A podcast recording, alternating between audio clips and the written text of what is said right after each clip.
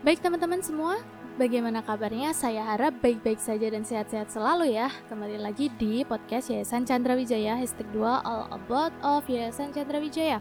Baik, kali ini kita akan ngobrol-ngobrol tentang Yayasan Chandra Wijaya. Yayasan Chandra Wijaya merupakan nama singkat dari Yayasan Chandra Wijaya bin Jaya Diwangsa Yayasan ini merupakan suatu organisasi non-profit yang bergerak di bidang sosial. Yayasan ini mempunyai tujuan besar yaitu mensejahterakan orang difabel dengan menjamin memberikan jaminan hidup setiap bulannya. Yayasan ini terletak di Gelagah Kidul, Tamanan Bangun Tapan Bantul.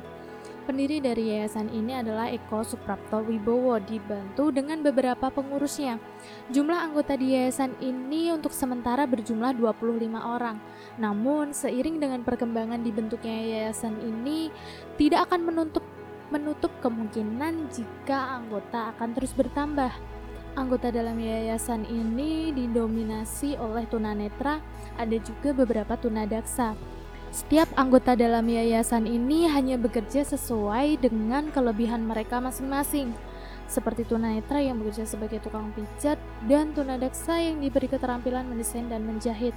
Namun dengan adanya pandemi COVID-19 ini, usaha mereka tentu terdampak sangat besar. Yayasan ini merupakan yayasan resmi meskipun sedang dalam tahap peresmian izin badan hukum dan izin operasional dari Dinas Sosial Kabupaten Bantul. Tapi untuk badan hukumnya alhamdulillah ini sudah jadi ya. Selain melakukan penggalangan sosial, yayasan ini juga mencoba merambah ke teknologi yang sedang ada saat ini. Yayasan ini juga berusaha mempromosikan usaha anggotanya melalui Facebook, Instagram, Twitter, dan lain-lain. Untuk mengembangkan keterampilan mereka, yayasan ini juga memberikan kesempatan untuk tunanetra membuat sebuah artikel yang nantinya tentu bisa menjadi nilai jual. Jadi, yayasan ini tidak semata-mata menggalang dana saja, namun mencari hal-hal positif untuk meningkatkan taraf hidup menggunakan teknologi. Semoga langkah kami sebagai pendiri dan pengurus yayasan diberi kelancaran dalam menebar kebaikan.